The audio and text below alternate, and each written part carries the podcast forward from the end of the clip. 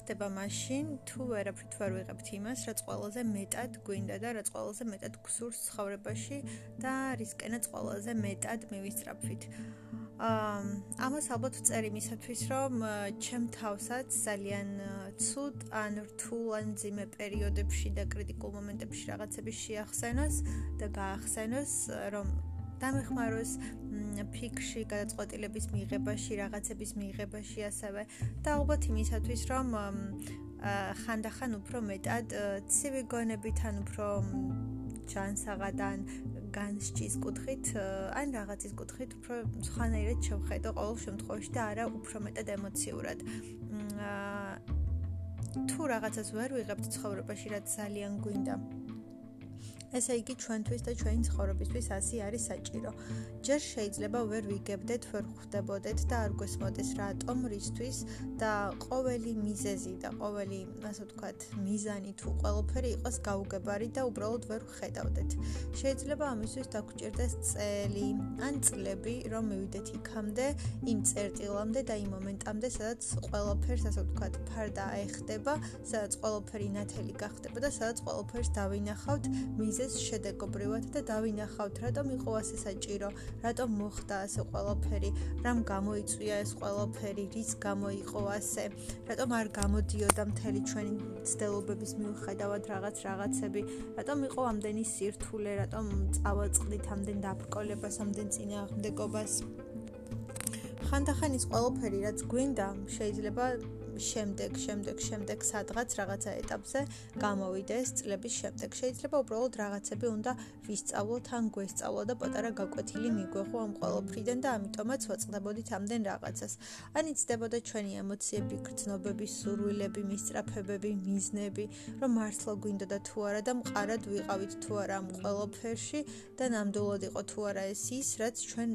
გვინდოდა და გვჭირდებოდა. მაგრამ ხანდახან შეიძლება გვეჩვენებოდეს, რომ რაღაც გვინდა და გვჭირდება. ხანდახან შეიძლება უფრო მეტად ილუზიურ განწყობებში ან ილუზიურ სიტუაციებში ვიყოთ, სადაც ან უბრალოდ არც ვიყოთ ასეთ სიტუაციაში, უბრალოდ ეს ყველაფერი დღეს გვინდოდეს და დღეს გვჭირდებოდეს, მაგრამ ხოლმე ისეთი რაღაცები მოხდეს და ისე განვითარდეს მთელი მოვლენები და სიტუაციები, რომ სხვა რაღაცები უფრო მნიშვნელოვანი გახდეს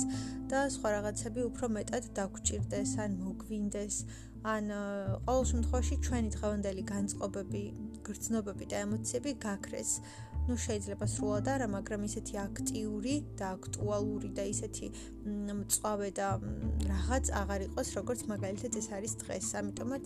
ხანდახან რაღაცებს სჭირდება დრო, ხანდახან რაღაცებს სჭირდება პერიოდი, რომ დაალაგდეს, რომ დაიწმინდოს, რომ ყველაფერს თავისი ადგილი მიეჩინოს, ასე ვთქვათ. და ყველაფერი თავის ადგილას დადგეს ისე როგორც უნდა იყოს. და ჩვენ ხანდახან ან უფრო მეტად ხშირად ძალიან ბევრი რამ გვეჩქარება. ძალიან მოუთმენლები ვართ და ძალიან ძალიან სულსრაფები ვართ იმიტომ რომ ის ყველაფერი რაც გვინდა გვინდა რომ მივიღოთ დღეს და ახლა. გვინდა რომ ეს აუცილებლად ახლა მოხდეს იმიტომ რომ ჩვენ ესე გვსურს და აქეთკენ მივდივართ მაგრამ იმაზე ნაკლებად ვფიქრდებით ალბათ რომ თუ რაღაც არ ხდებოდა თუ რაღაც არ გამოდის ესე იგი არც არის საჭირო რომ გამოვიდეს. ესე იგი არ გვჭირდება და ესე იგი წესით არ უნდა იყოს ალბათ ჩვენ ცხოვრებაში, იმიტომ რომ თუ ეს ყველაფერი გვინდა და გვჭირდება, ალბათ გამოვიდოდა კიდეც და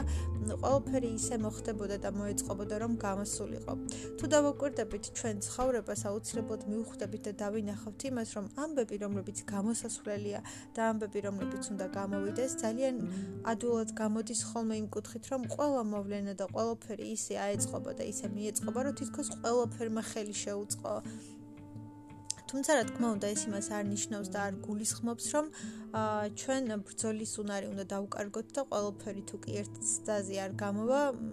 შევეშვათ და წავიდეთ არა პირიქით ხანდახან 100 ჯერ უნდა ცადო და მეასე და 100 მე-1 სტაზე გამოდის ზუსტად და ძალიან კარგი გამოდის. უბრალოდ ის არის რომ ხანდახან უნდა ვისწავლოთ მოთმინებაც და დალოდებაც, რომ დაველოდოთ იმას, რაც გვინდა რომ მივიღოთ, რომ ვიყოთ უფრო მომთმენები და უფრო მეტად გონიერები და ეს სულ სწრაფობა სადღაც მოვიშოროთ და ასე ვთქვათ ცოტა ხანი განზე გავწიოთ, იმიტომ რომ შეიძლება ძალიან ხელს გვიშლიდეს და ხანდახან გვეყოს იმისი სიბრძნეც და გონიერებაც რომ თუ რაღაც არ გამოდის, ესე იგი ჩვენი ცხოვრებისთვის ასე არის საჭირო და ამიტომ ხდება ასე და გვეყოს იმისი გონიერება რომ ეს ყველაფერი მივიღოთ და შევურიგდეთ ასე ვთქვათ ბედს და განგებას თუ არ ვიცი. თუმცა არ ნიშნავს რომ რაღაცები არ უნდა ვცადოთ. ხანდახან ალბათ უნდა ვცადოთ კიდეც რამდენჯერმეც უნდა ვცადოთ რომ უფრო მეტად დავინახოთ, მაგრამ მაგრამ ხანდახან რაღაცები არ გამოდის დღეს, იმიტომ რომ დღევანდელი დღისთვის ეს ყველაფერი არ არის საჭირო. შეიძლება ხოლმე გამის დრო იყოს და გამოვიდეს კიდეც. ძალიან ბევრჯერ ყოფილა ალბათ ძალიან ბევრი ადამიანის ცხოვრებაში და ნუ ჩემ ცხოვრებაში ყოველ შემთხვევაში ასეთი მომენტები ყოფილა, როდესაც რაღაც ძალიან მინდა, მაგრამ არ გამოდის. მაგრამ არ გამოდის დღეს, იმიტომ რომ დღევანდელი დღისთვის ეს ყველაფერი არ არის საჭირო, რომ იყოს და გამოვიდეს. დღევანდელ დღეს არ სჭირდება ეს ამბავი, რომ გამოვიდეს და შეიძლება მე ემოციურად ან რაღაცნაირად არც ვიყო ამ ყოველფრისთვის მზად, მაგრამ შეიძლება გამოვიდეს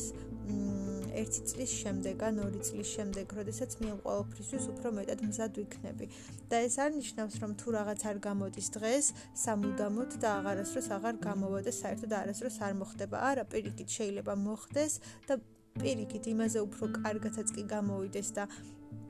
იმაზე კარგად აეწყოს მთელი მოვლენები და ყველაფერი ვიდრე ჩვენ საერთოდ წარმოვიდგენდით ან ამას ვფიქრებდით, მაგრამ შეიძლება დღევანდელ დღეს არც არის საჭირო რომ გამოვიდეს, იმიტომ რომ დღეს ჩვენ ამ ყველაფრისთვის არ ვართ მზად და დღეს რომ მოხდეს და დღეს რომ გამოვიდეს, პრობლემების მეც, დაბრკოლებების მეც და უსიამოვნებების მეც არაფერს არ მოგვიტანს. ამიტომ ხანდახან უნდა ვიყოთ მომთმენები. ხანდახან უნდა ვიყოთ ძალიან გონიერები, ხანდახან ძალიან შორს უნდა გავიხედოთ და უნდა განჭრიტოთ ბევრი რამ და დავინახოთ მიზეზები, შედეგები, უნდა დავინახოთ ის ყველაფერი, რაც შეიძლება მოიტანოს, გამოიწვიოს ყველანაირი სცენარი, ყველანაირი, არ ვიცი, დაბრკოლებაც და ყველაფერი და უბრალოდ ხანდახან მივიღოთ მოცემულობები, რადგან თუ ამ ყველაფერს არ გავაკეთებთ და თუ ამ ყველაფერს არ ვიზამ სხვანაირად არც არაფერი არ გამოვა და ამიტომ ხანდახან ძალიან ძალიან გვჭირდება ის, რომ ის რომ უბრალოდ ვიყოთ ძალიან გონიერები და უბრალოდ ვიყოთ მომთმენები და ვიყოთ ამტანები. და ხანდახან მართლაც ისიც გვჭირდება რომ მივიღოთ ყველაფერი ისე, როგორც არის და უბრალოდ მივიღოთ ეს ყველაფერი. მივიღოთ თავისი მიზეზებით და შედეგებით, არ ვიცი. ყველაფერი რაღაცას იწვევს, ყველაფერი რაღაცამდე მიდის, ყველაფერი სადღაც მიდის, ყველაფერი რაღაცას უკავშირდება და ყველაფერი რაღაცას იწვევს. აქედან გამომდინარე, თუ კი დღეს რაღაც არ ხდება და თუ კი დღეს რაღაც არ გამოდის, არნიშნავს, რომ ეს არასდროს არ გამოვა და ეს სამუდამოდ არ გამოვა. ეს ნიშნავს, რომ უბრალოდ დღეს არ არის ამის დრო და არ არის ამის მომენტი და ამიტომ არ გამოდის. მაგრამ ერთი არის, ხანდახან უბრალოდ დღეს არ ხდება და დღეს არ ხერხდება რაღაცების გამო, იმიტომ რომ ეს არ არის ის დრო, როცა ეს ყველაფერი უნდა მოხდეს და ამიტომაც არ ხდება და არ გამოგვდის, მაგრამ ეს არ ნიშნავს იმას, რომ სამუდამოდ არ გამოვა. შეიძლება რაღაც პერიოდის შემდეგ პირიქით გამოვიდეს და ძალიან ძალიან კარგი და მაგარი გამოვიდეს, მაგრამ შეიძლება ის რაც არ ხდება დღეს, არც დღეს გამოვიდეს, არც ხვალ და არც არასდროს არ გამოვიდეს, იმიტომ რომ რეალურად ჩვენი ცხოვრებისთვის ეს ყველაფერი არ იყო საჭირო და არ უნდა მომხდარიყო, არ უნდა გამოსულიყო. ამიტომაც ამ შემთხვევაშიც უნდა ამ შემთხვევაში უნდა გვეყოს გონიერება და უნდა გვეყოს ძალა იმისა, რომ ეს ყველაფერი მივიღოთ მოცემულობებად და დავემორჩილოთ, რადგან ალბათ ასე არის ჩვენთვის საჭირო და ჩვენი ცხოვრებისთვის საჭირო და შეიძლება ჩვენ ამას ვერ ხედავდეთ, ვერ ვგრძნობდეთ, ვერ ვიაზრებდეთ, მაგრამ რაღაცა ძალა, ასე ვთქვათ, თუ არ ვიცი, იცის რომ ეს ყველაფერი ასე არის საჭირო და ყოველ შემთხვევაში ჩვენ ამას ვერ გამჭრეთ და ვერ ხვდებით, მაგრამ ამ შემთხვევაში უნდა გვეყოს ძალა იმისათვის, რომ მივიღოთ ეს ყველაფერი და არ არ გავხდეთ ძალიან ცუდად და უბრალოდ მოცემულობები მივიღოთ და დავემორჩილოთ, რადგან სხვა შემთხვევაში სხვა ძალა და სხვა ენერგია და ემოცია არც არის. პირიქით გავიხდით თავს ძალიან ცუდად, ძალიან დავისტრესებით, დეპრესიულები გავხდებით, სულ ცუდ ხასიათზე და ცუდად ვიქნებით, ანუ ამ მიუღებლობით და პირიქით საკუთარი თავის დაზიანების მეც ვერაფერს ვერ გამოვიწევთ და თუ რაღაცას ვერ ცვლით, ესე იგი ვერ ცვლით და ამას ალბათ ვეღარ შევცვლით უკვე. აქედან გამომდინარე, ამდენ ნეგატივს ჩვენი თავისთვის ვერ მოაქვს ძალიან ცუდი და ჩვენ თავს დავიზარალებთ პირველ რიგში და გავუკეთებთ ძალიან ბევრ და ცუდ რაღაცებს, მაგრამ ახლა აი ასეთ შემთხვევაში უნდა გვეყოს იმისი ძალა, რომ ეს ყველაფერი მივიღოთ, ვაღიაროთ და რაღაც სხვა გზა ან სხვა რაღაც გამოვნახოთ და უფრო უფრო მეტად პოზიტიურად შევხედოთ ამ ყველაფერს და მივიღოთ, იმიტომ რომ სხვა გზა ან სხვა გამოსავალი შეიძლება რომ არც იყოს და არც გქონდეს, ამიტომ მოცემულობები ხანდახან უნდა მივიღოთ ხოლმე, მაგრამ თუ ეს არ არის მოცემულობა, რომელიც ასე ვთქვა და ესე არასოდეს არ გამოვა და აი აი ეს რაღაცა არ ადევს რომ აი სამუდამოდ ესე უნდა იყოს. მაშინ უბრალოდ მოთბინება უნდა გვეყოს და უნდა გვეყოს ძალა რომ დაველოდოთ და უბრალოდ ვიყოთ უფრო მეტად სულგრძელები და მომთმენები და უფრო მეტად გონიერები რომ შეიძლება დღეს არ გამოდის, მაგრამ ხვალ ზეგ მასე გან რაღაც პერიოდში ყველაფერი იქნება და აუცილებლად იქნება, აუცილებლად გამოვა და იმ პერიოდისთვის მოვემზადოთ და ვიყოთ მზად და იქამდე რაღაც ძალიან ბევრი რამ ვაკეთოთ და ვეცდით რომ რაღაცებს მივახციოთ, რაღაცები მივიღოთ და ბევრი რამ ძალიან ჩვენთვის და ჩვენი ცხოვრებისთვის სასიკეთოდ გავაკეთოთ, იმიტომ რომ აი, როდესაც ამ ყველაფერს მივიღებთ, როდესაც ყველაფერი მოხდება, ჩვენ ამ ყველაფრისთვის ვიყოთ მზად. გისურვებთ, რომ ყოველ თქვენი მიზნისთვის, სოცნებისთვის, ნატრისთვის, სურვილისთვის მიგეღწიოთ და გამოგხსოვეთ, მაგრამ თუ კი რაღაც არ გამოდის, ამის გამო ამის გამო არ იყოთ სულად და არ გახდეთ სულად პირიქით ეცებეთ გზები თუ როგორ გამოვა, რანაირად გამოვა და ან კიდევ უფრო მეტად პოზიტიურ მხარეებს შეხედეთ. ყველაფერში არის პოზიტივი, ყველაფერში არის ნეგატივი, ყველაფერს გააჩნია თავისი ძალიან პოზიტიური მხარე და ასევე ნუ შეიძლება ნეგატიურიც, კი არა დაუცილებლად ნეგატიურიც ახლავს ყველაფერს და გამონახოთ პირიქით ამ ყველაფრის პოზიტიური მხარე და მხოლოდ პოზიტივს უყუროთ. ან უბრალოდ სხვა გზა გამონახოთ, რომელიც ძალიან დიდ პოზიტივს სიტბოს და კარგ ემოციებს და კარგ განწყობებს მოიტანს და იმ სხვა გზას დაადგეთ, რაც უფრო თქვენთვის იოლი ან მარტივი ან კარგი ემოციების და განწყობების მომტანი იქნება და არ გაჩერდეთ იმ ნეგატივში, რომელიც არაფრით არ გამოდის და მთელი თქვენი ძალის ხმების, ენერგიის და ყოველფრის მიუხედავად უბრალოდ არ გამოდის და არ ეწყობა. უბრალოდ მიიღეთ ხანდახან მოცემულობები ისე როგორც არის, იმიტომ რომ ხანდახან ჩვენ არაფრის შეცვლა არ შეგვიძლია და როგორც არ უნდა ვიბრძოლოთ, როგორც არ უნდა ვიომოთ, მაინც დავმარცხდებით ამ ომში, თუ ეს ომი, ასე ვთქვათ, განწირულია იმისათვის, რომ უნდა დავმარცხდეთ. ამიტომ გისურვებთ ყველაფერ კარგს, სიმშვიდეს, სიმსუბუქეს და კარგ ამბებს და მოვლენებს თქვენ ცხოვრებაში, რომლებიც თქვენ ცხოვრებას აუცილებლად გაახალისებს, გააფერადებს, უფრო მრავალფეროვანს გახდის და ყოველთვის გქონოდეთ გონიერება იმისა, რომ გავარჩიოთ ერთმანეთისაგან ის, რაც გვჭირდება, ის, რაც არ გვჭირდება, ის, რაც ჩვენი ცხოვრებისთვის აუცილებელია, ის, რაც არასაჭიროა და ტყუილად ვებღაუჭებით, ტყუილად ვიბრძვით და ტყუილად ვაპოტინებით, რადგან ის არ ხდება, არ ხდება და ალბათ იმიტომ არ ხდება, რომ არც არის საჭირო, ან უბრალოდ არ ხდება, იმიტომ რომ არ არის ამის დრო და შესაძფერისი მომენტი და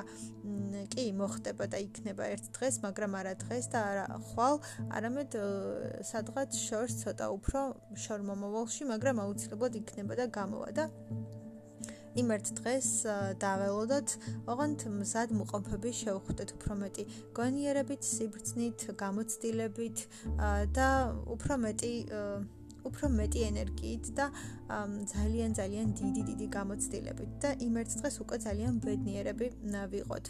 მაგრამ თუ რაღაც არ გამოდის და არც გამოვა და არც არასდროს არ გამოვა ამ ყოველფერს აღარ ჩავეჭიდო, ჩავეჭიდოთ უბრალოდ და აღარ გავეკიდოთ, იმიტომ რომ ჩვენ გამოგვეცლის ძალას, ენერგიას და იმ სასიცოცხლო რაღაცებს, რაც ძალიან გვჭირდება და თუ რაღაცას ვერ ვცვლით, ესე იგი ვერ ვცვლით და ვერ შევცვლით. წახვიდე ბრძოლაში, რომელიც მარცხისთვის არის განწირული, ცოტა უაზრობა, ანუ თუ მაგალითად ეს წინასწარ განსაზღვრულობა იცი, რომ ეს ბრძოლა უცლებად დასრულდება მარცხით და ვიღაცისთვის ბრძოლა და ომი ყოველთვის მარცხ ანუ მარცხით მთავრდება და ვიღაც ყოველთვის არის რომელიღაც მხარე რომელიც აუცილებლად დამარცხდება. ერთი იქნება გამარჯვებული მეორე დამარცხებული ამიტომაც თუ ჩვენ ვიცით რომ ეს ჩვენ აუცილებლად ჩვენ ვიქნებით ცოტა უაზრობა წახვიდე მაინც იმ ბრძოლაში რომელშიც იცი რომ აუცილებლად დამარცხდები. ამიტომაც ამ რაღაც მომენტის ან მოვლენის ან სიტუაციის ან გარემოების უფრო მეტად პოზიტიური მხარეები აღმოვაჩინოთ, იმ პოზიტივს გავყვეთ და იმ პოზიტივს ჩავყვეთ და მიუყვეთ და იმას გავეკიდოთ, ასე ვთქვათ, და თუ ასეთიც არ არსებობს, უბრალოდ მოვნახოთ სხვა გზა და სხვა რაღაცები საითაც და რის მიხედვითაც ჩვენი ცხოვრება უკეთესი მომენტებისკენ, უკეთესი გზისკენ და უკეთესი რაღაცებისკენ წავა და არა ვებსაც ნეგატივით, არამედ მხოლოდ პოზიტივით და მხოლოდ კარგი ემოციებით და განწყობით, რადგან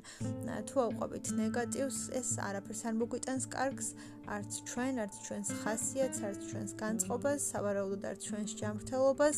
არც ჩვენს ემოციურ მხარეს და არც ჩვენს ენერგიას ან განწყობას მთელი დღის მანძილზე, რომ რაიმე გავაკეთოთ, რაიმე შევქმნათ. ამიტომაც ყოველთვის ვეცადოთ, რომ აღმოვაჩინოთ უფრო მეტად პოზიტიური მხარეები მოვლენების, ამ პოზიტივს გავყვეთ. და ყოველთვის ნებისმიერ დღეში ვიპოვოთ რაღაც ძალიან სასიამოვნო და პოზიტიური ჩვენთვის, რადგან ნეგატივი ძალიან გვაზიანებს და გვაზარალებს და ვიყოთ უფრო მომთმენები, იმიტომ რომ ადამიანები ვართ ძალიან სულსრაფები. ყველაფერი გვინდა დღეს და ახლა, მაგრამ იმის გონიერება ხანდახან არ ყოფნის, რომ შეიძლება დღეს ამ ყველაფრისთვის არ იყოს არც დრო და არც ადგილი. და დღეს რომ ეს ყველაფერი შესრულდეს და მოხდეს, შეიძლება ძალიან ბევრი უსიამოვნო მომენტი მოგვიტანოს, ამიტომ დავე ველოდოთ უფრო მეტად ბრწყინვალე და უფრო მეტად კარგ მომენტებს, რომლებიც მართლაც აგვავსებს მხოლოდ და მხოლოდ პოზიტივით. ყოველთვის არის ცხოვრებაში მომენტები, რომლებიც დგებიან, ხდებიან და არიან ძალიან ძალიან ბედნიერები და ჩვენთვის სიკეთის მომტანები და თუ დაველოდებით ასეთ მომენტებს, აუცილებლად მოხდებიან, აუცილებლად იქნებიან და აუცილებლად მოგვიტანენ ძალიან დიდ ბედნიერებას და სიხარულს. უბრალოდ უნდა შეგვეწელს, რომ დაველოდოთ და ვიყოთ მომთმენები, მორჩილები, და ძალიან ძალიან დიდი მოთმინების უნარი დახსილები. და უცებად იქნება ყველაფერი კარგად, განსაკუთრებულად გასაოცრად და ძალიან დიდი სინათლე, სიკეთე, სიხარული, სიყვარული და ბედნიერება შემოვა ჩვენ ცხოვრებაში და დაიკავებს თავის კუთვნილ ადგილს. გისურვებთ ყველაფერს საუკეთესოს და ნათელს.